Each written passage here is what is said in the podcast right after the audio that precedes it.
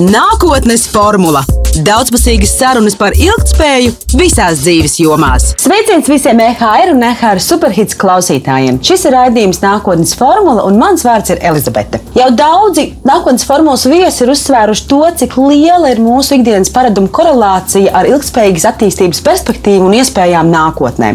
Tāpēc šodien ieskatīsimies savā leduskapī. Proti, parunāsim par augu un dzīvnieku valsts izcelsmes produktiem un problēmām, kas ir saistīti ar to ražošanu un patēriņu. Pie manis studijā šodien ir Ulrika Skakovska, biedrības dzīvnieku brīvība pārstāve un projekta neapēd zemeslodi vadītāja. Sveiki! Čau! Uh, Jā, stāst lūdzu par savu projektu. Neapēd zemeslodi, tāds spēcīgs aicinājums, skaļš aicinājums. Kas tur notiek? Jā. Uh, Tātad bieži vien, kad mēs kā parastie cilvēki, domājot par vidi, par klimata pārmaiņām, mēs īsti ne, varbūt nees, nav, nav skaidrs, ko mēs varam darīt savā ikdienā. Un uh, realitāte ir tāda, ka arī ēdieni, ko mēs ēdam, uh, atstāja labāku vai sliktāku ietekmi uz vidi. Attiecīgi, dzīvnieku valsts produkti patērē daudz vairāk resursu un piesārņo vidi krietni vairāk nekā augu valsts produktu saražošana. Tieši tāpēc mēs ikvienu aicinām pievienoties izaicinājumam un mēnesi pamēģināt ēst vairāk augu un dzīvot vidē draudzīgāk. Un katru dienu cilvēki saņem e-pastā vēstules ar dažādu praktisku informāciju, receptēm, visām ēdienreizēm, informāciju par uzturvielām, kam jāpievērš uzmanība, ja cilvēks sāk ēst vairāk augu valsts ēdienus, praktisku informāciju, ko ēst, kā ēst un uh, arī informāciju par vidi. Jūs to darat pirmo gadu? Nē, mūsu izaicinājums notiek jau trešo gadu, mm -hmm. un šogad tas ir bijis vislielākais, visgrandiozākais. Kopumā pieteicās gandrīz 9000 cilvēku, kas ir ļoti daudz Latvijas mērogam, un salīdzinot ar pagājušo gadu bija 3800 cilvēku, tā kā vairāk kā divas reizes audzes dalībnieku skaits. Forši, un kādas ir atsauksmes, ko cilvēki saka, kāda ir šī pieredze? Un vai tur piesakās jau tādi, kas ir, es nezinu, tikko kļuvuši par vegāniem un viņiem vajag jaunas receptes, vai tur ir tādi, kas ir vegetārieši, kas plāno konvertēties, vai tur arī tādi pārliecināti gaļādāji, kas tomēr ir gatavi mēnesi paciesties un to gaļu nēst? Jā, nu, tu, izaicinājumi dalībnieki ir daži un dažādākie. Un arī mēs savā izaicinājumā uzsveram to, ka ir iespēja pievienoties dažādos līmeņos. Gan līmenī, kur tu tikai dažas dienas nedēļā neēd mm. gaļu, gan visu mēnesi turēt vegetāru vai vegānis. Tā kā katrs pēc savām iespējām to var darīt. Un lielākā daļa izvēlas vegetāro izaicinājumu, bet pēc tam cilvēki saka to, ka īstenībā viņi ir pārsteigti, cik augvalsts ēdieni ir garšīgi, dažādi, bagātīgi un ka varbūt pirms tam tas priekšstats bija daudz sliktāks. Un tas daudz atzīmē arī to, ka īstenībā tas ir vienkāršāk nekā cilvēkiem sākumā varbūt likās. Tālāk.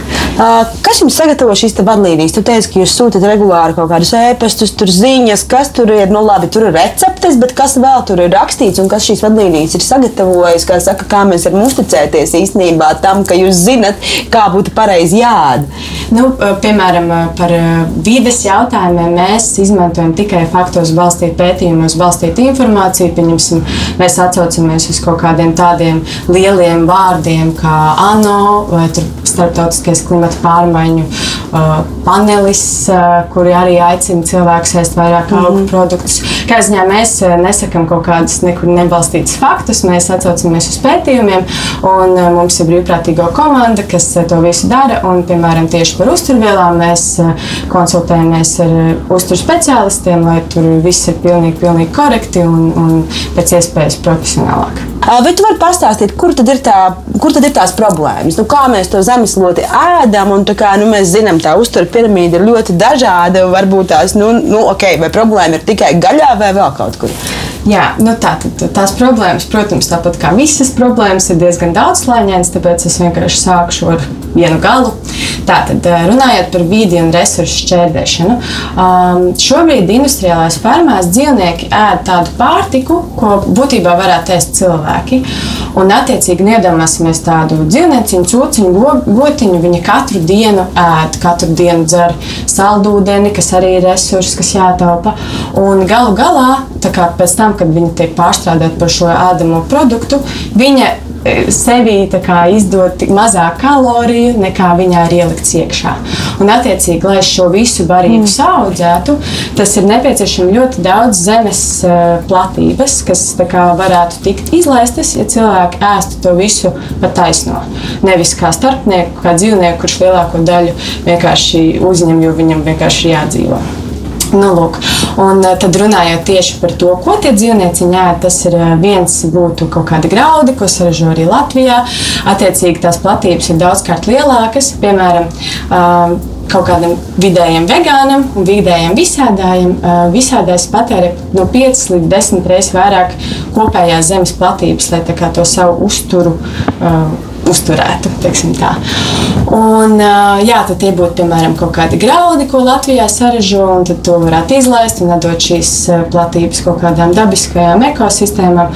Vai arī tā ir soja, ko audzē Latvijā, un tas ir arī viens tāds īstenībā mīts, ko cilvēki saka, ka nu, vegāni tur apēd soju un viņi dēļ izcērt lietus mežus, kas ir tikai daļai taisnība, jo tā ir, ka Amazonē audzē soju, bet absolūtais vairāk vairākums no šīs sojas nonāk nevis cilvēku vēderos, bet gan industriālo fermu dzīvnieku. Un, nu, piemēram, par tā bišķiņu precīzāk, ir centrālās statistikas pārvaldes dati, ka Latvijā gadā uz Latviju no Latvijas Amerikas importē 120 tūkstošu tonu sojas tieši lobarībai. Tas nav cilvēku patēriņam.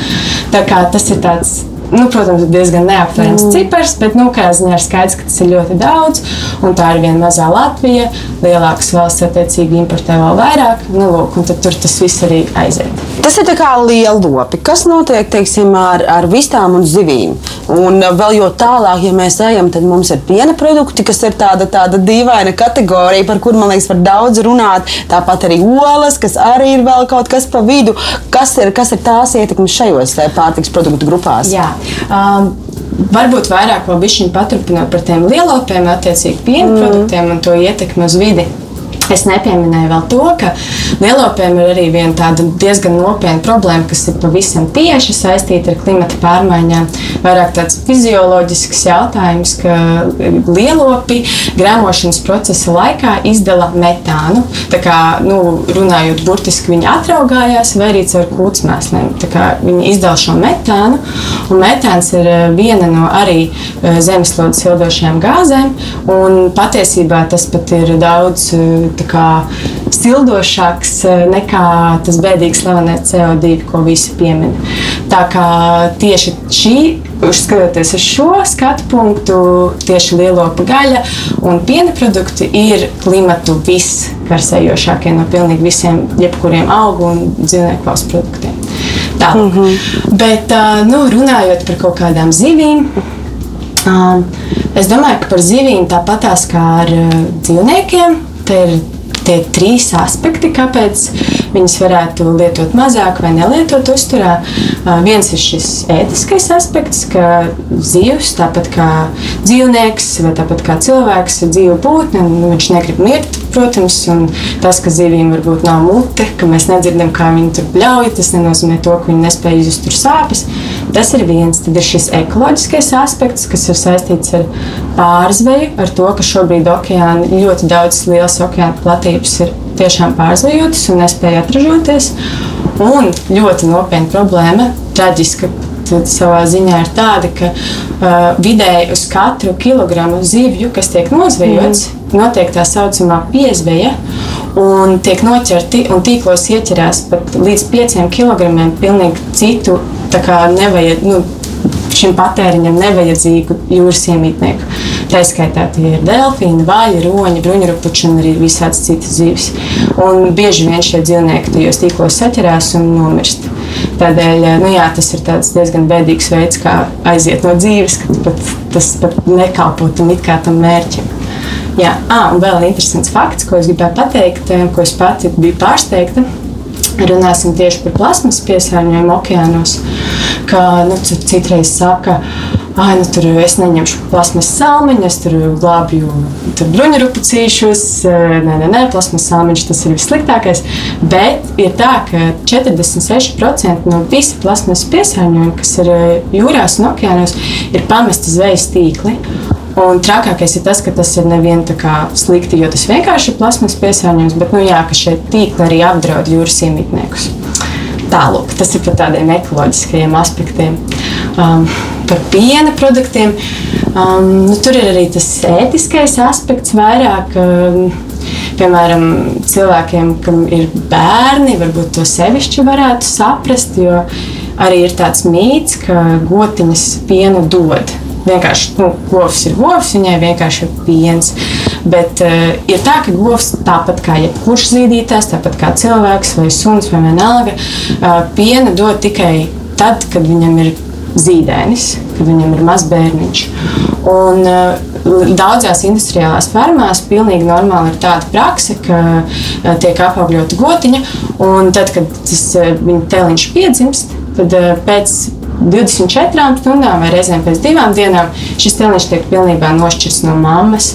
Un, protams, ka tas ir pilnīgi traģisks pārdzīvojums gan tikko jaundzimušam bērniņam, gan tai mātei, kam tikko bija bērns. Viņa atņem jau vienkārši nu, tas teliņš izdara pienu, bet uh, piens ir, ja tas teliņš izdara, tad tas ir zaudējums lopkopim, jo nu, piens ir jāpārdod. Tā kaut kā. Kā ar olām? Ar olām. Um, nu, mums dzīvnieku brīvībā ir arī viens no, viena no kampaņām par olu cenu kas saucās Volta cena, kas ir tieši par eh, šo visnežēlīgāko prakšu izskaušanu, kas būtu uz prostos dētas olas. Um, diemžēl Latvijā vismaz joprojām absolūtais vairākums, ap 90% vistu, joprojām dzīvo uh, šajās prostu sistēmās. Un tad mēs varam iztēloties, kā tas ir, ka tur ir uh, daudz mazā būrītī, daudz vistas saspēstībā. Reizēm viņas dzīvo 12 stāvos. Uh, ne, nerunāsim par spēju pildīt kaut kādus dabiskos instinktus, bet par tieši to, ka nu, tādos apstākļos nav iespējams nodrošināt ne to, ka tās vistas viena otru tur uh, nedara pāri, nespēj izprast spārnus, kad notiek kaut kāda savainojuma un tā tālāk. Un, nu, piemēram, ja tādi apstākļi būtu kaut kādiem mūsu mīļdzīvniekiem, it kā, nu, piemēram, ja mēs iztēlotos kaut kādus suņus vai kaķus, kā īstenībā mēs pat varam redzēt kaut kādas bildītas, kur Ķīnā uh, tur ir sas, sa, salikti kopā daudz sunīšu arī uz ēšanu, tā kā mazā būrī, un mums tas liekas šokējoši, mums tas šķiet kaut kā barbariski, bet tad, kad tas notiek ar kaut kādiem citiem dzīvniekiem, tad tā ir pilnīgi normāli ar likumu atļauta lopkopības prakse. Tā kā tas ir tā nedaudz, nu, man nav morāli ētiska pamatojuma, kāpēc pret vieniem dzīvniekiem mēs izturamies tā, un pret citiem mēs tā kā aizmirstam Nu, labi, mums ir tā perspektīva ar tiem morālajiem un ētiskiem aspektiem. Bet, ja mēs paskatāmies no tās, no tās otras puses, piemēram, nu, no tā veselīguma viedokļa, nu, tad uh, arī visi tie paši graudaugi, kas tiek audzēti, tāpat tās uh, visi, visi augļi un dārzeņi, viss tas mēslojums, miglošana, pesticīdi un tā tālāk. Tur jau īstenībā notiek ļoti līdzīgas darbības kā ar, kā ar lopiem. Nu, ja lopiem dod antibiotikas un mēģina viņus lielos apjomos dabūt smagus un, un pieaugušus nedabiskā, nedabiskā ātrumā, tad uz laukiem jau īstenībā ar augļiem, dārziņiem un graudogiem notiek precīzi tas pats. Plus, vēl, ja mēs paskatāmies, ka mēs nenormāli daudz patērējam, tomēr arī eksportētu produkciju. Mm -hmm. Tātad to, ko, proti, importētu, tātad to, kas ir, to, kas ir iebraukusi, piemēram, nu, ja mēs runājam par Latvijas situāciju. Mm -hmm. Tad jautājums tā kā vienkārši vai nav vienā brīdī tā, ka tas viss nonulējās, Jā. īstenībā patērējot to visu samāsloto, samāsloto augu valsts izcelsmes produktu bāzi, mēs nodaram pāri savam ķermenim, tad mēs atstājam milzīgi ekoloģiskās pēdas nospiedumu ar lidmašīnām, to visu atlidinot no Latvijas, Āfrikas vai vēl no, ko, no kurienes. Plus vēl tur savukārt arī uz laukiem visām pārējām lietām cilvēki tiek nodarbināti arī verdziskos apstākļos, slikti atalgoti. Tas, kā saka, nav nekāds tur fair trade brīnums, par kuru sapņot, tie apstākļi visticamāk ir diezgan drausmīgi. Tā kā, nu, vai, vai, vai, vai Jums ir kaut kāda tāda, jā, kaut kāda mērākla šai sabalansēšanai.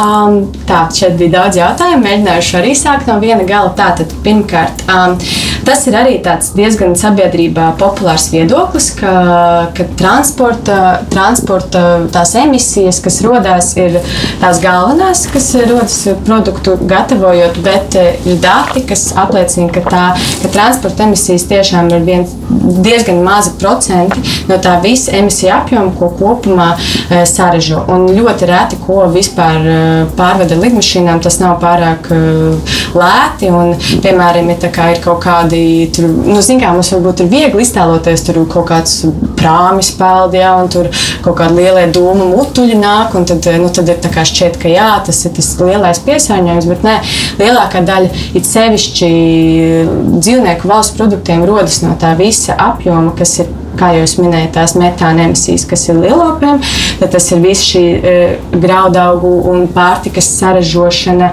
uh, dažādu fermu uzturēšana. Tā kā katrā ziņā tas, kas bija pateikt, ka transporta emisijas nav galvenais apjoms. Protams, es, nozīm, es ne, nekādā gadījumā neapgalvoju, ka vajag uh, ēst uh, tikai ārzemju produktus. Ir brīnišķīgi, ir vietējie produkti, bet tas, vajag papētīt, tas nav galvenais uh, piesārņojuma avots uh, produktu ražošanas gaitā.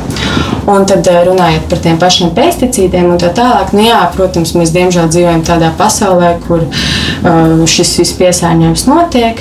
Bet, kā jau teicu, dzīvniekiem barošos ļoti daudz graudaugus un dažādus, piemēram, to pašu soju, ko arī miglo, kur tur ir ģenētiski modificēta. Un tad vienkārši tas principā, ja visi kaut kādā hipotētiskā realitātē, ja visi kļūtu par vegāniem, tad uh, vienkārši nāktos patēr, uh, patērēt daudz mazāk zemes platības, attiecīgi mazāk tiktu lietot pesticīdi, mazāk, uh, var, mazāk tiktu izcirsti meži. Piemēram, kaut kādā Amazonē no 70 līdz 90 procentiem izcirstās teritorijas nonāk kā lielopu ganības, pārvērš par lielopu ganībām, kas ir diezgan traģiski. Labi, varbūt mēs neēdam gaļu, ko tur sarežģīja Brazīlijā vai kur, bet nu, vienkārši pats fakts kā tāds, ka, um, jā, ka tas nav nekas kā, dabai draudzīgs. Bet, jebkurā gadījumā, protams, tie jautājumi ir daudzslāņaini, un mēs arī tomēr uzskatām, ka cilvēki ēd gaļu daudz par daudz, un ir arī tad, ja kāds samazina savu patēriņu, piemēram, uz pusi, sabalansējot to savu tāda veida produktu patēriņu, tā tas jau ir labi. Un tad varbūt tas kaut kā nonulējas galu galā.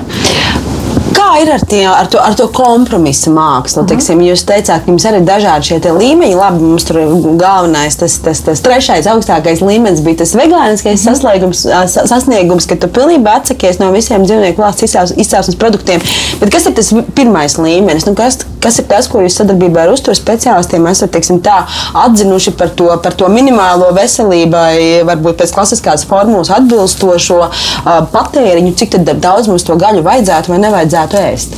Jā, nu, uzturu speciālisti un pasaules vēža izpētes centri uh, liek uzsvaru uz tieši sarkanās gaļas patēriņu, ka tur ir minēts uh, no 300 līdz 500 gramiem nedēļā, kas būtu principā nu, vidēji ne vairāk kā trīs reizes. Tas ir maksimums trīs reizes nedēļā. Ēst sarkano gaļu, sarkano gaļu, es domāju, gaļu no zīdītājiem, mm -hmm. kas mhm. būtu lielops vai cūgaļa. Jo ir korelācijas ar to, ka šāda veida gaļa rada dažādu tipu vēža risku.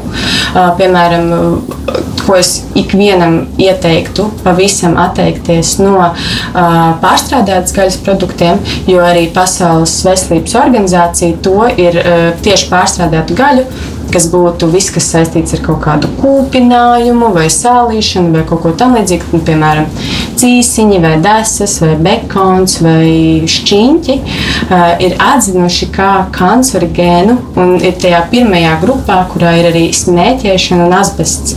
Tā kā nu, tieši tajā ietekmē uz veselību. Mm šos produktus noteikti uh, ieteiktu nelietot. Un tad, ja cilvēks turpina ēst gaļu, tad labāk uh, pirkt šo gaļu kvalitatīvāk no kaut kādiem mazajiem saimniekiem. Un uh, tad pārējā laikā varbūt to gaļu aizstāt ar kaut kādiem pākšaugiem vai tofu. Un, cilvēki vienkārši pēdējā laikā, pēdējo 60 gadu laikā, ir četrkārtīgi audzējuši gaļas patēriņu. Tāpat laikā cilvēku skaits pasaulē augsts tikai divreiz. Tā kā nu, cilvēki vienkārši kļūst bagātāki un sāk ēst gaļu brokastīs, pusdienās, vakariņās, naktsniņās, nezinu, tur launagā. Un eh, tā nedarīja ne mūsu senči. Eh, tas, nav, tas ir kaut kāda jauna lieta un eh, būtu vēlams vienkārši nēst tik daudz to gaļu un vienkārši samazināt. Jo arī, piemēram, ir eh, Baltijas valstīs tika veikta aptauja pagājušajā gadā un pētījums par to, ka uh, visi Baltijas valstu iedzīvotāji ēd par maz augļus un dārziņus, kamēr visādi trekno un olbaltumvielām bagāto produktu, kas būtu šie dzīvnieku valsts produkti, patēriņš ir pārāk liels. Viņus nevienam jau nav noslēpums. To mums skolā māca bērnībā, ka augļi ir veselīgi, dār, dārziņi ir veselīgi. Bet mm. cik realitātē cilvēki to visu apēd, daudz par maz. Tā kā ikvienam vajadzētu teikt vairāk brokoļus, spinātus un tādas veselīgas Bet, lietas. ja negaršo, nu, var iemācīties, droši vien garšīgi pagatavot, ir jāeksperimentē. Ir nevajag vienā reizē tur pamēģināt, un nē, nē, nekad, nekad. Katru produktu iespējams pagatavot simts dažādos veidos, un varbūt viens no tiem iegaršosies. Kas jūs darbojaties biedrībā? Jūs esat vairāk vegāni, vai jūs esat vegetārieši, vai arī jums biedrībā ir kāds pārliecināts gaļādājs, kurš vienkārši sabalansējas un ēd pēc iespējas mazāk, bet tomēr. nu, gaļādāji mums laikam īsti nav, bet eh, nu, lielākā daļa ir vegāna, bet mums nav tā kā stingri uzstādīts, ka tev ir jābūt vegānam. Un, eh, nu, nē, nekā tāda, jo arī mēs esam. CV aizsūtīt. Jā, jā, jā, jā, pirmais punkts. Nē, tā absolūti nav. Katrs mēs, eh, nu, mums ir ļoti tāda brīva, brīva vidi, un arī mēs esam par tiem kompromisiem, un ka mēs vairāk skatāmies uz to, ka um, nevis varbūt uz kaut kādu vienu cilvēku individuālo rīcību, bet vairāk uz to, ka, piemēram, ar kaut, kādu, eh, ar kaut kādiem projektiem šeit es varu, pieņemsim, neapēd zemeslode piedalījās gan arī 9000 cilvēku, nu tad tā ir tā ietekme kā liela, tad varbūt eh, tas, ko katrs pats dara, tā ir katra darīšana. Bet, nu jā, pārsvarā mēs visi esam tomēr vegāni, bet tas nav tā kā obligāti. Obligāti prasība kļūt par jūsu biedru. Uh, Pastāstiet, lūdzu, varbūt tās vēl par kaut kādām lietām, kas ir arī, nu, kā saka, varbūt tās vegānu lielās problēmas. Tu jau ieskatēji to pašu soju, bet labi, nu, sojas gadījumā tad sanāk, ka mēs apēdam salīdzinoši maz daudz un lielākoties soja tiek ražota, lai barotu lielopus.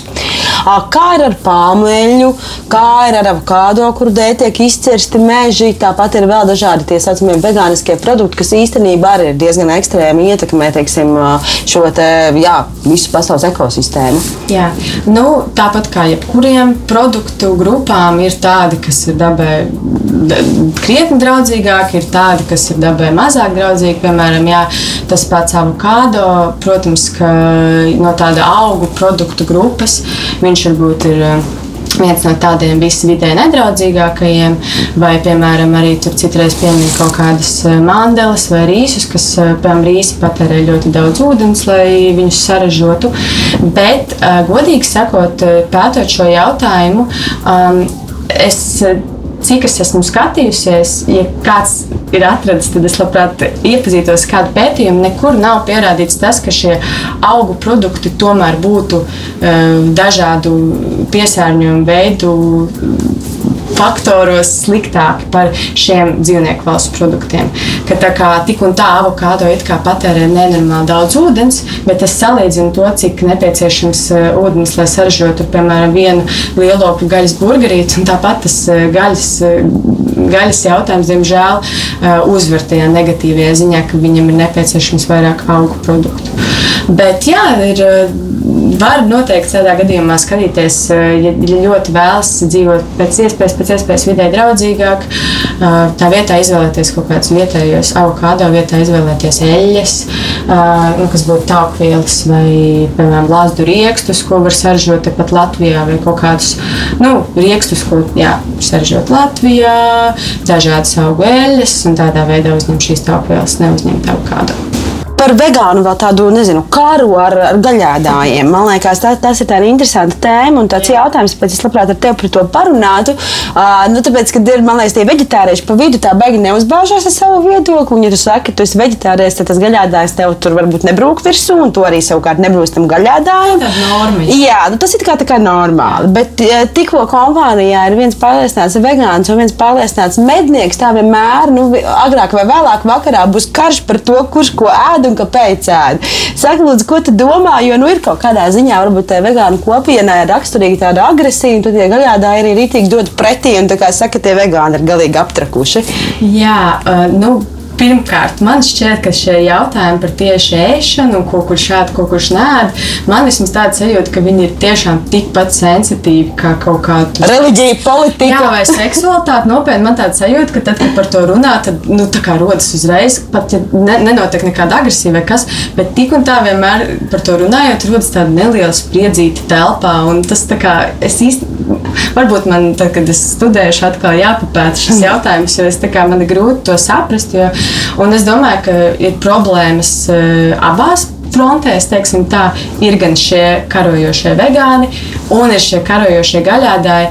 Uh, noteikti šīs abas grupas eksistē. Varbūt man ir nācies, kā vegānam, vairāk nācies saskarties ar eh, to, ka man cilvēki, es neko nevienam nesaku, man cilvēki vienkārši vai nu kaut kā nu, pārmet, vai kaut kā es jūtos kaut kā nekomfortabli, lai gan nekas nenotiek. Es nezinu, kāpēc tā ir. Tas ir ļoti interesants jautājums. Es domāju, ka cilvēkiem vajadzētu būt vairāk iekļaujošākiem, vegāniem vajadzētu būt uh, um, saprotošākiem pret uh, gaļādājiem un gaļādājiem vajadzētu būt saprotošākiem pret vegāniem. Kā... Nu, droši vien jau man personīgi liekas, es arī esmu pamanījis to, ka dažkārt nav izskaidrojama šī agresija, bet man liekas, ka varbūt tas ir veidojas tajā faktorā, ka šis vegāns uzskata bieži vien vai pozicionē jā. to, ka viņš visu dara pareizi. Jā, jā. Nu, ka tur veidojas tā bināra opozīcija - pareizi, nepareizi, jā. labi, slikti. Un, kā, nu, ētiski vai tur tu esi neētisks? Un tad sanāk, ka nu, tāda kratīšana ar pirkstu vienai jā. grupai pret otru grupu, ka nu, tu sanāk, es esmu tas labiņais un tu gaļādājs esi jā. tas sliktais. Un, man liekas, tas uzreiz tās, nu, nē, es neesmu slikts no sērijas. Un tad sāk skatīties rītīgi uz detaļām. Labi, tu tur nēd, nēd gaļu, bet tu ēd soju, tur palmeļu, paskaties, kas tur notiek. Tev ir rādas apavi, dievs jā, nedod, jā, jā, jā. vai tu esi nopircis jaunas drēbes, nevis no vintāžu veikaliņa atkārtot, ja second hand drēbes.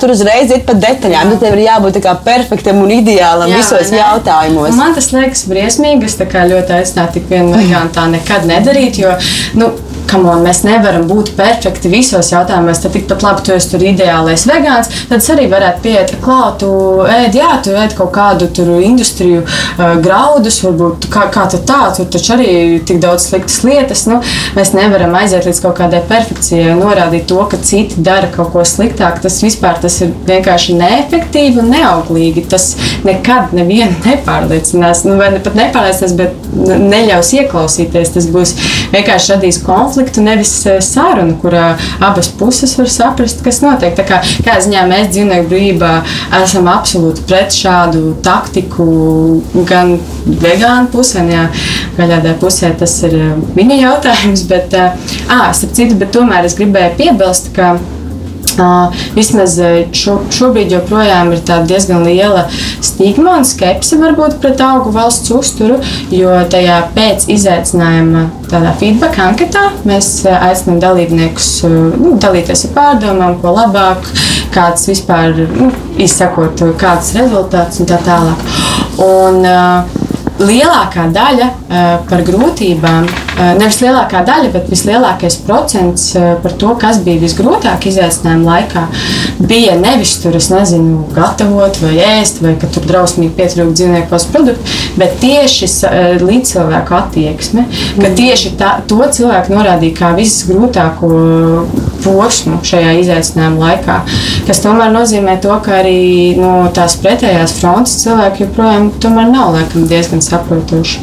Jo es baigi šaubos, ka cilvēks, kurš ir pieņēmis izaicinājumu, viņš jau pieņem izaicinājumu uz mēnesi, viņš jau tur neies tagad visiem tur klārēt un būt karojošais vegāns. Viņam tāds kā eksperiments un redzēt, kā viņam sokās vai ķermenim tas dara vai nedara un tā tālāk.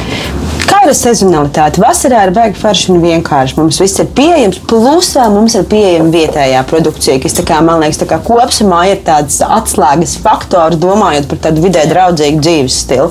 Gan zaļš, gan vēl tuvu, nekur nav vests, Jā. un vēl vietējais, un vēl ideāli no bioloģiskās saimniecības. Jā. Vispār fantastika. Jā. Bet mums ir labākā gadījumā seši mēneši gadā, kad mēs varam ēst to savēju, un tad pārējos Jā. sešos mēs izmisīgi rokamies pa lielveikalu plauktiem, meklējam konservus un, un visu pārējo. Jā. Plus vēl arī, nu, vai tas ir mīts vai, vai patiesība, ka tomēr, nu, it īpaši šajā pusgadā tas vegāniskais dzīves stils ir stipri vien dārgs prieks. Tam es gluži negribētu piekrist, jo tas dārgs prieks var būt tad, ja cilvēks ļoti lielu uzsvaru liek uz visādiem tiem vegānu, gaļas produktu aizstājēju produktiem. Tur kaut kādas vegāniskās desas vai kaut kādi vegāniskie sieri. Un, jā, tās lietas joprojām ir diezgan dārgas. Lai gan arī jau viņas sāk palikt lētākas. Bet, nu, labi, tas tā. Bet, ja mēs skatāmies uz to visveselīgāko variantu, ko iesaka arī ļoti daudz uzturu speciālistu, kas būtu tas whole foods, plant-based diet, nu, mm, to varētu latvisko kā nepārstrādātu produktu diēta, tad e, šie produkti parasti ir pat lētāki. Vai tie ir jātiek paši augļi vai dārziņi, vai tās ir kaut kādi pākšaugi, e, ko var lietot arī visu ziemu. Mums ir pupiņas, mēs viņus novācam zirņi un tā tālāk. To jau var lietot visu ziemu. Kā arī noteikti iesaku cilvēkiem sākt vairāk saldēt, e, saldēt ogas, saldēt sēnes, saldēt var arī dārziņus un tā tālāk. Un tad beigu beigās tomēr var ziemā arī kādu to vasaras vitamīnu ieķert. Jo saldējot eh, lielākajai daļai produktu, šī uzturvērtība nemainās vai ļoti minimāli mainās. Tas ir tāds labs iekonservējuma veids bez kaut kādiem sālījumiem. Un, jā. Ļoti daudzi tīpaši cilvēki, kas vairāk strādā tādu aktīvāku darbu un arī sporto, saka, ka viņi nevar dabūt sāta sajūtu no tiem vegāniskajiem produktiem. Tā kā es nezinu, kas ir tavas metodas vai ko tu zini, varbūt tās tevā biedrībā ir kādi sportiski puiši, kas ir vegāni, ko viņi dara, lai dabūtu to sāta sajūtu. Jā, mums ir tāda puša, bet man arī viena dāma vienreiz tieši šo jautājumu prasīja. Es konsultējos ar uzturu speciālisti, un viņa teica, ka tā problēma varētu būt tāda, ka cilvēks lieto vai nu pārāk maz eh, taufvielas vai pārāk maz olbaltumvielas. Kas būtu olbaltumvielas, būtu piemēram dažādi veidi pākšaugi. Tieši tie ir tie, kas pēc ēdienreizes to sāta sajūtu uh, padara ilgāku. Mm -hmm. Attiecīgi, noteikti obligāti visās ēdienreizēs jāiekļauj vai nu pākšā, kas būtu tur zirņi, lēcas, pupas vai kaut kāda tofu. Un arī taukvielas, jā, tas būtu eļļas, rieksti vai, nu, ja tā vide tā, tad tas avokādo. nu tā. Bet par sportistiem tieši runājot, tieši pagājušā gada lielais hits ir filma The Game Changers. Viņa ir pieejama Netflixā, tā kā varat noskatīties. Tur diezgan skaļi vārdi viņu ir producējuši. Tur ir Arnolds Schwarzeneggers, Džekijs Čāns, arī pasaules līmeņa mm. sportisti, kā Novāks Džokovičs un Lūsis Hamiltons. Lūsis Hamiltons ir Formule 1 pilots un Novāks Džokovičs ir pasaules pirmā raketa. Viņi abi ir vegāni. Un tā filma ir tieši par to mītu, par sportu, par to, ka sportisti nevar būt vegāni. Tā, tā filma ir tieši par to, ka, piemēram, šis pats Džokovičs norāda to, ka viņa prāt tieši augu valsts uzturs ir bijis kā, par pamatu viņa tam lieliskajam sniegumam uh, sportā. Un, piemēram, arī starp latviešiem mums ir Dāvis Bērtāns, kurš ir uh, pievērsies augu valsts uzturam jau kādus vairākus gadus. Viņš arī par to ir sniedzis intervijas, un viņš ir NBA basketbolists. Viņš saka to, ka tieši no augu valsts uztura viņam ir vienkārši enerģija, viņam ir daudz ātrāka atjaunošanās spēja, ka tur bez komandas biedri saka, vai viņš var būt šim piebremzēt. Nu tā, protams, indivi, cilvēki ir individuāli, katram ir savs. Un, eh, bet tas eh, to nevar obligāti absolūti pieņemt kā to, kā tādu pašsaprotamu lietu, ka tur vegāniem nav spēka vai kaut kā tā. Ir ļoti daudz cilvēku, kas liecina pilnīgi pretējo. Tā kā galvenais ir pašam izpētīt, noteikti es sabalansētu un uh, jā, nevajag būt nekādas radikālas, es nezinu, trakas lietas. Bet mēs personīgi iesakām es nezinu, tieši sportistiem, bet arī visiem. Sportistiem droši vien būtu svarīgi pakonsultēties ar kādiem uzturu speciālistiem, bet ikvienam, um, ja, cilvēks, ja cilvēkam interesē šie vides vai ētikas vai kādi veselības aspekti, tad vairāk darīt to pakāpeniski lēnā garā iekļaut šos uh, augu valsts ēdienus, uh, radot lielāku izpēti, ieklausoties savā ķermenī, kas ķermenim patīk, kas nepatīk. Un, uh, nu, tā to veidot kā tādu ceļu, nevis kā tādu sprintu, un pēc tam arī cilvēks vienā brīdī visu pārtrauc darīt, pārtrauc ēst dzīvnieku valsts produktus, bet varbūt nav tik labi izpētījis, vai varbūt ķermenis ir šokā, un tad rodas kaut kāds nepareizs priekšstats par to, ka vegānisms ir neveselīgs vai kas. Tā kā, nu, jā. Bet tas neprasa daudz laiku, arī nu, tā, nezinu, sekošana līdz tam visam, tā apgūšana, iemācīšanās un viss pārējais. Un vēl visas receptes izdomāt, jo es zinu, ka ļoti daudzi, tīpaši tie cilvēki, kas pārsvarā gatavo gaļu, vienkārši nevar izdomāt, ko ar tiem dārziņiem darīt. jā, protams, ka ir šis tas jāpapēta, bet tieši tādēļ mēs esam uztaisījuši šo izaicinājumu neapēc zemeslodi, jo tur reāli 31 dienu cilvēks katru dienu e-pastā saņem tādu kā sākuma komplektu uh, šim augu valsts uzturam.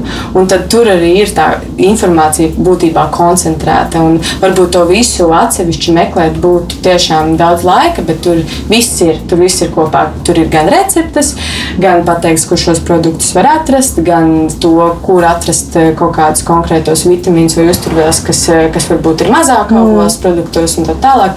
Tā kā pies, ja ir šaubas, pieskaties mm. izaicinājumā, un tad jau radīsies varbūt labāks priekšstats par to, kas ir kas. Izaicinājums ir aktīvs visu gadu?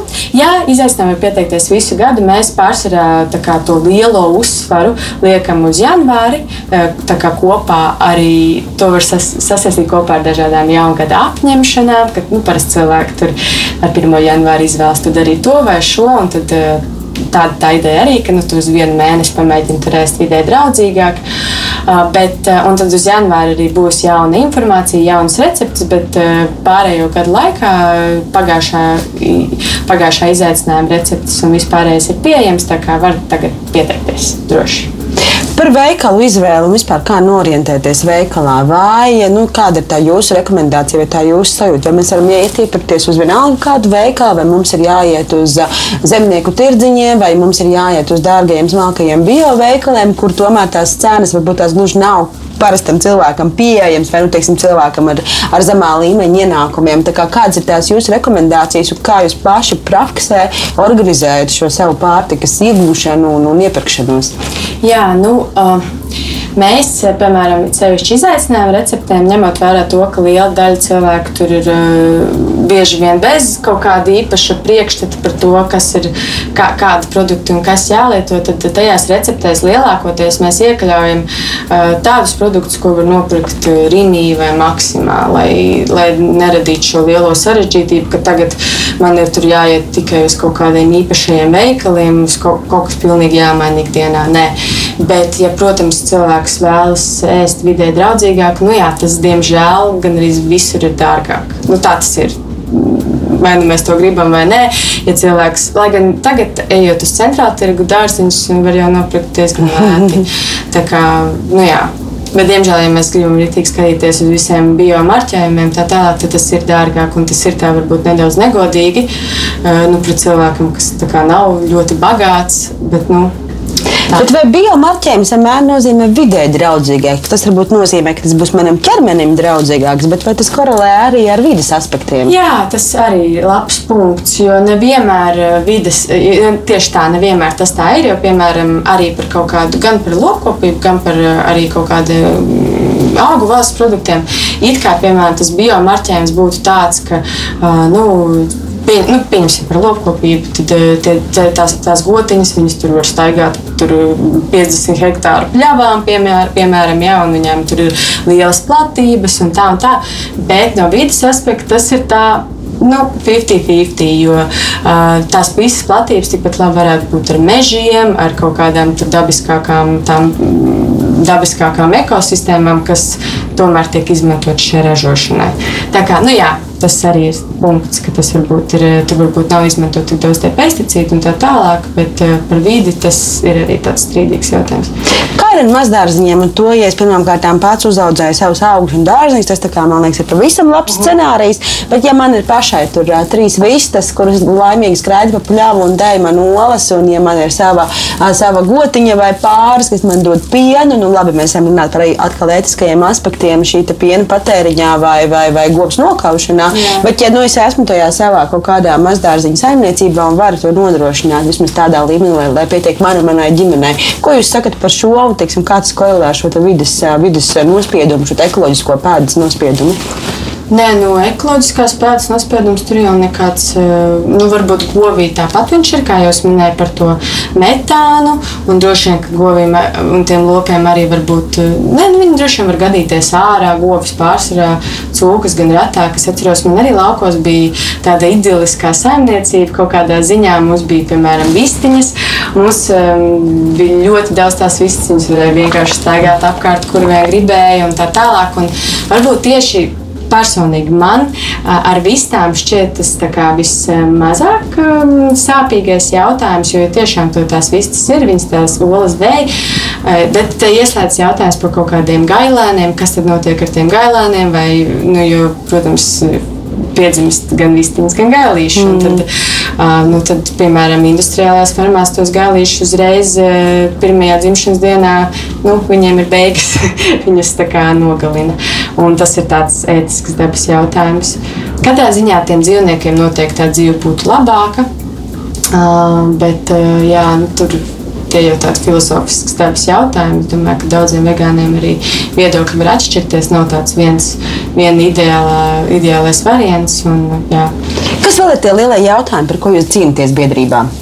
Jā, mums ir tādi kā divi atzari, es teiktu. Viens ir šis augu valsts uztura uh, popularizēšana un tā tālāk. Piemēram, ne tikai neapēd zemeslodi, mēs rīkojam arī vegānu festivālu, kas ir vienkārši grandios, milzīgs pasākums. Tas ir lielākais Baltijā. Un, uh, Man liekas, ka tas ir arī lielākie ēdienu svēt, ēdiena pasākums uh, Latvijā, bet nu, varbūt es maldos. Bet kā ziņā viens no lielākajiem noteikti, jo pagājušajā gadā uh, apmeklētājs skaits bija 10,000, vairāk kā 10,000. Tā kā ļoti daudz cilvēku. Šogad mēs, diemžēl, viņu atceļam zinām iemeslu dēļ, bet nu, cerams, ka nākamgad būs. Un, uh, tad es Vēl esmu koordinātori projektam Augi un Draugi, kur mēs palīdzam restorāniem ieviest vegāniskus ēdienus, ja viņi to vēlās. Tā kā sadarbojamies un palīdzam ar konsultācijām. Un tad ir tāds otrs atzars, kas ir vairāk uz dzīvnieku tiesību jautājumiem, arī uz labturības jautājumiem. Viens būtu, mums ir ļoti aktīva kampaņa par kažoku zvēru fermu aizliekšanu Latvijā, mm -hmm. kas ir ļoti aktuāls jautājums, jo šobrīd Eiropā uh, vairāk, laikam 15 Eiropas valstis jau ir veikušas šo aizliegumu. Un ļoti gribētu paspēt būt pirmajam Baltijā, bet nu, tad jau redzēs, katrā ziņā tā cīņa ir priekšā. Un, Tur varbūt šī problemātika būtu tāda, ka tie pirmkārt tas ir um, lapsas, ūdens un šinšils. Un, uh, lapsas un ūdens ir savvaļas dzīvnieki, uh, kuri kā, vispār nespēja šajos mazajos būrīšos pildīt kaut, nu, piepildīt kaut kādas savas instinktīvās vajadzības. Viņi tur jūka prātā, piemēram, veido šo stereotipisko uzvedību, kas ir, um, ka viņi tur, piemēram, lēkā pilnīgi vienā tur uz augšu, uz leju, tur visu dienu. Man liekas, ka Rīgas zoodārzā ir tāds lācis, kurš ir bijis cirka būrī turēts, un tad viņš arī staigās priekšā, staigās apkārt, staigās priekšā. Tās tā ir tā, tā stereotipiskā uzvedība, kas norāda to, ka viņiem kaut kas ir galvā, viņu jau ir jūka prātā burtiski.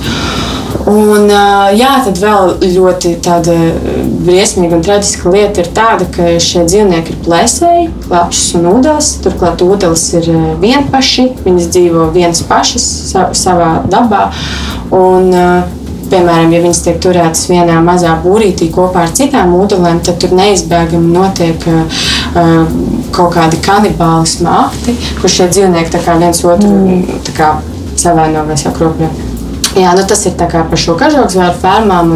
Nav jābūt vegānam, lai pieņemtu to, ka varbūt kažokzvēru tas ir tāds arhaisks uh, modelis un būtu laiks arī Latvijā to pārtraukt. Tāpat kā mēs jau izdarījām ar savvaļas eh, dzīvniekiem cirkā.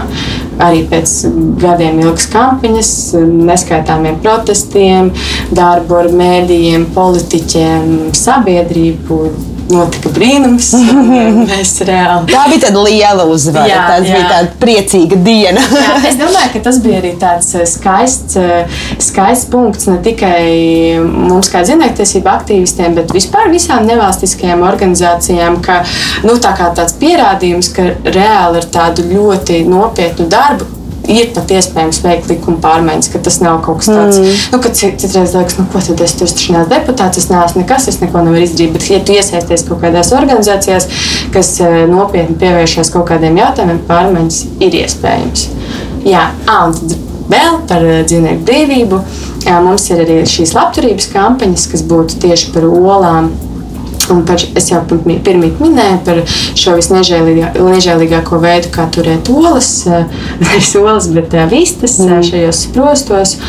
Un tad mēs lūdzam uzņēmumiem atteikties no šīm uh, nežēlīgajām olām. Um, un, piemēram, mēs pārsvarā savu komunikāciju veicam tieši ar uzņēmumiem, ar kaut kādiem likumdevējiem, jo tas ir efektīvāk nekā tad, ja mēs eh, vienkārši pa to laiku, piemēram, pārliecinātu simtus cilvēkus neēst tās prostu olas. Bet, piemēram, ja mēs pārliecinām vienu veikalu vai kaut kādu uzņēmumu, tad eh, viņš ar šo savu vienu lēmumu ietekmē visvairāk dzīvnieku. Tādēļ mēs arī spiežam uz to efektivitāti savā darbībās. Kā ir ar kaut kādiem lielajiem lobbyiem īstenībā un tiem, kas, kas no otras puses, no uzņēmējdarbības un biznesa puses to visu aizstāv? Kā, nu, cik cik teiksim, nopietni tas ir kaut kādā Latvijas līmenī? Nu, skaidrs, ka tur pie lielajiem galdiem tur ir, tur ir, tur ir ļoti liela šo jā, lobby dominance gan pārtikas rūpniecībā, gan, gan kažokā audzēšanā un visos citos rūpniecības veidos. Bet cik, cik Latvijā teiksim, tās uzņēmēji ir agresīvi aizstāvot tomēr to savu uzņēmējdarbības formu, kas ir pretrunā ar jūsu teiksim, gan ētiskajām, gan, gan dabas interesēm. Jā, nu, lobby ir uh, reāla lieta, un, un, piemēram, ne tikai lobby, bet arī kaut kāda PR prakses, jo, piemēram, uh, kaut kādam Baltikovo vai kaut kādiem uzņēmumiem, viņiem ir kā, neizmērojams reklāmas budžets. Uh, kuru laikā viņi var kā, ļoti daudz ko izdarīt ar šo naudu. Piemēram, kamēr kaut kādām organizācijām, kas kā, stājas viņiem pretī, tad tas budžets ir nu, nekas salīdzinot ar to.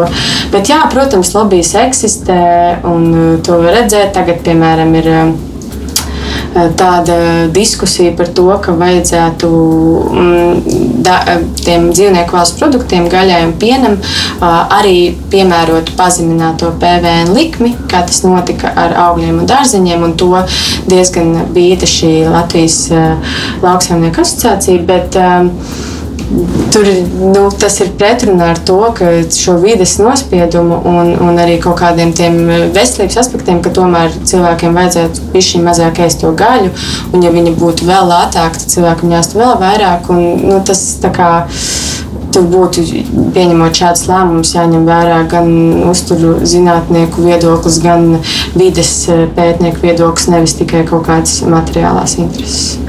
Bet vai īstenībā nesanāk tā, ka bieži vien šie augļi un dārzeņi ir neadekvāti dārgi, savukārt gaļa neadekvāti lēta?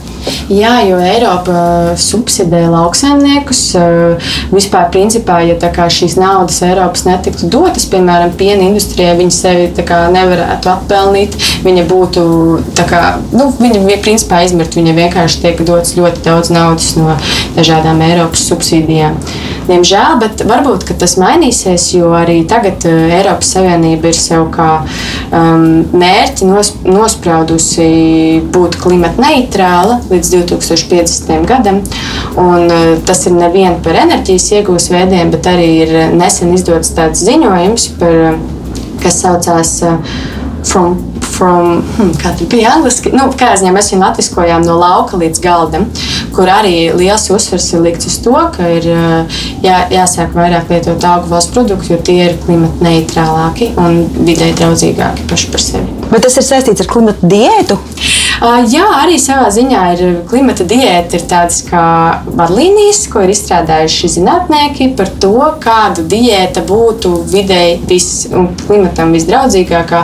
Un tur absolūto vairākumu arī ieņem augu valsts produkti, augu valsts proteīni. Un, uh, tur piemēram, dzīvnieku valsts produkti ir atstāti tikai kaut kādi 8%, ja nebaldos, nu, tādā kā našķu kopā ar saldumiem un tādiem, nu, tādiem nu, našķu līmenī, ja, ka tur varbūt kādreiz šādi tad var, ja ļoti gribās, bet, nu, ka visa pamatiet, ja mēs gribam dzīvot tieši skatāmies uz vides aspektiem, ka tai būtu jābūt balstītai augu valsts produktos. Vēl jūs popularizējat tādu konceptu kā efektīvais altruisms. Kas tas ir? Efektīvais altruisms ir tāda ideja, ka, piemēram, tu vēlies darīt kaut ko labu, palīdzēt pasaulē, palīdzēt kaut kādai jomai, bet to ar savu šo darbību, ar saviem ierobežotajiem resursiem, naudu, laiku. Vēlēs panākt maksimāli lielāko labumu. Tāpēc tu izvērtē, nu, piemēram, par vienu dzīvību labāk ir izglābt tūkstoti, izklausās loģiski. Tāpēc efektīvi altruisti vērtē, kāda veida darbības panāks vislielākās iespējamās izmaiņas. Piemēram, runājot par dzīvnieku tiesību jautājumiem. Šobrīd lopkopībā ir ļoti daudz dzīvnieku. Latvijā piemēram, tie ir 7 miljoni dzīvnieku. Tādēļ ikviena darbība, ko mēs kā organizācija veicam, nodarbojoties tieši ar industriālām lopkopības praksēm, ietekmē ļoti, ļoti daudz dzīvnieku. Bet, diemžēl Pārējās eh, lielākoties ja ir organizācijas, kas saistītas ar dzīvnieku tiesību jautājumiem, pievēršas tikai mājas mīluļiem, tur suņiem, kaķiem un tā tālāk. Bet Tur šo dzīvnieku vienkārši ir ļoti daudz mazāk.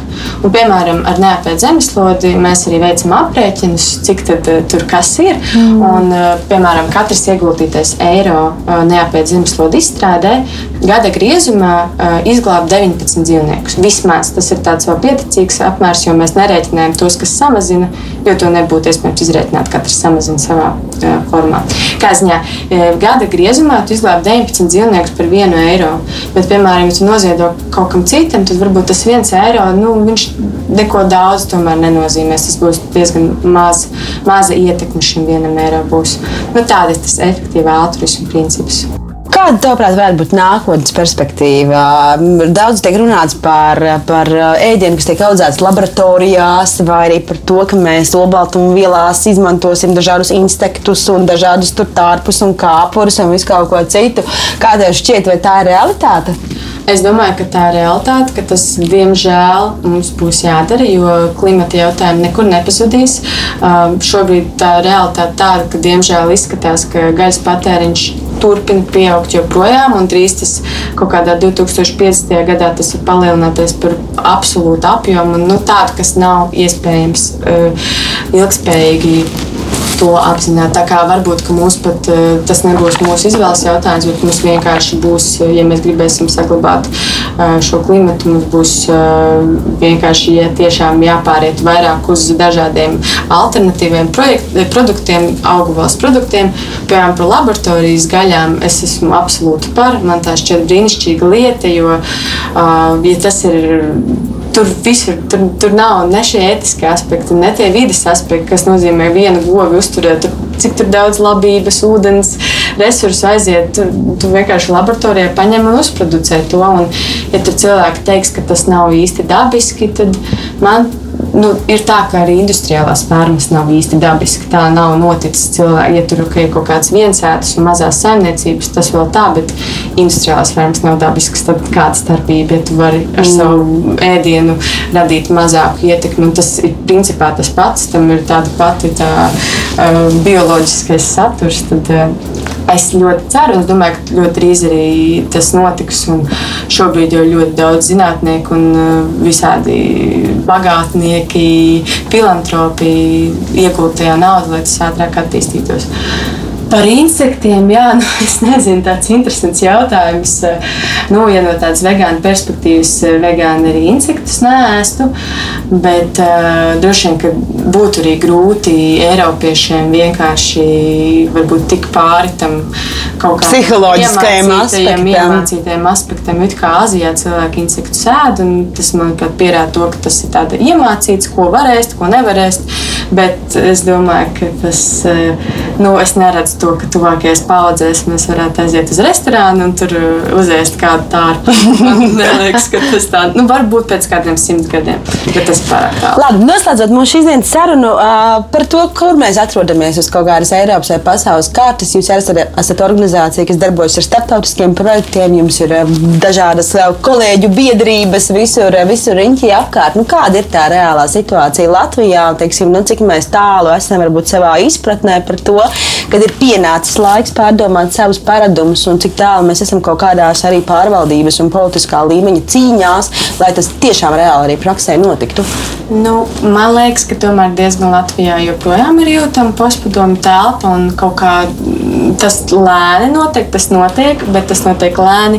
Katrā ziņā Eiropā var aizbraukt uz Rietumu Eiropu, piemēram, uz Berlīnu. Tu tur ej visur vegan, vegan, vegan. vegan. Nu, tas, kā, tas vispār tur nav nekāds lamots mm. vai nekas tāds. Tā ir pilnīgi absolūta norma. Aizbraukt uz Lielbritāniju, tur ļoti daudz cilvēku tam pievēršas. Kā, katrā ziņā augu valsts uzturs Rietumu valstīs noteikti ir daudz uh, populārāks, bet uh, es domāju, ka tas viss notiks un tas viss arī Latvijā ienāk. Un, piemēram, par gaļas patēriņu nu, Latvija um, patērē vidēji, vidējais pasaules iedzīvotājs apēta ap 30 kg gaļas gadā, Latvijas apēta 70 kg. Tā kā mēs, diemžēl, joprojām ēdam gaļu diezgan par daudz.